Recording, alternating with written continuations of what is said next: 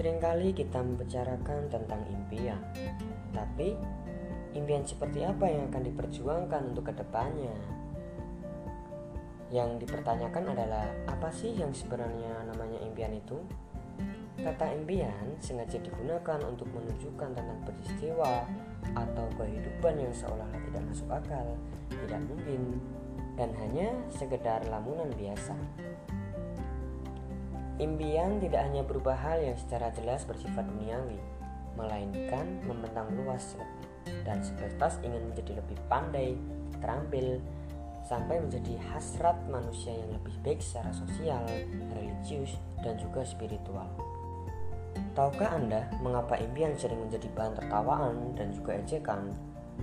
Karena kebanyakan orang sudah menganggap bahwa impian hanyalah sebentuk keinginan yang tak masuk akal tidak mungkin, dan sekedar lamunan hidup yang amat susah.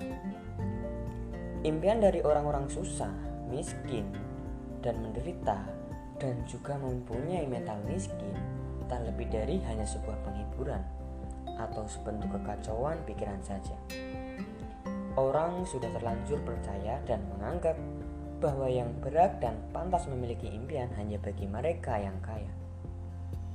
Tapi bagi mereka yang mempunyai akal sehat mengatakan sebaliknya. Justru karena Anda miskin, maka bangun dan perkuat impian Anda.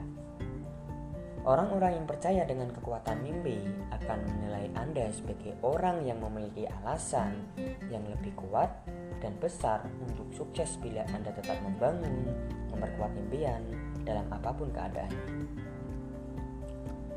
Bila orang hari ini menertawai atau menganggap impian Anda tak masuk akal, maka anggaplah ejekan dan tawaran itu menjadi tanggung jawab besar bagi Anda, bahwa Anda bisa mewujudkan apa yang Anda impikan.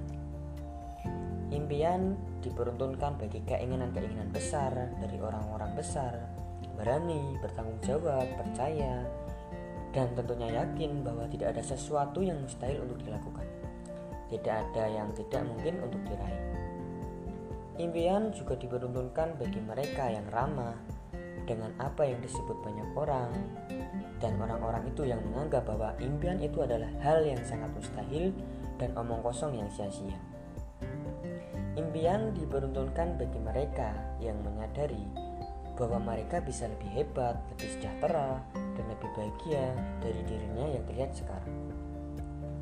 Kita bisa mencontoh para tokoh dunia seperti Bill Gates, Bill Gates adalah seseorang pendiri Microsoft dan sekaligus pernah menjadi orang terkaya di dunia. Ia pun pernah berkata, "Sebuah impian jika disertai dengan keyakinan kuat, kerja keras, serta dilandasi komitmen perjuangan tanpa henti, akan membeli hasil yang gemilang." Bill Gates adalah bukti nyata bahwa impiannya yang pernah dianggap mustahil kini mampu mewujudkannya. Nilai keyakinan dan perjuangan inilah yang bisa kita contoh dalam kehidupan kita. Selain itu, kepedulian Bill Gates untuk berbagi juga bisa dijadikan teladan bahwa sukses akan lebih berarti jika kita bisa saling berbagi. Tokoh lainnya juga seperti Soichiro Honda pernah berkata, bagi Soichiro Honda, janganlah melihat keberhasilan saya dalam menggeluti industri otomotif, tapi lihatlah di situ kegagalan-kegagalan yang dialaminya. Orang yang melihat kesuksesan saya itu hanya satu persen, tapi mereka tidak melihat 99% kegagalan saya. Ia memberikan petuah ketika Anda mengalami kegagalan, yaitu mulailah bermimpi dan mimpikanlah mimpi baru. Kisah Honda ini adalah contoh bahwa sukses itu bisa diraih seseorang dengan modal seadanya tidak pintar di sekolah, ataupun berasal dari keluarga yang amat miskin.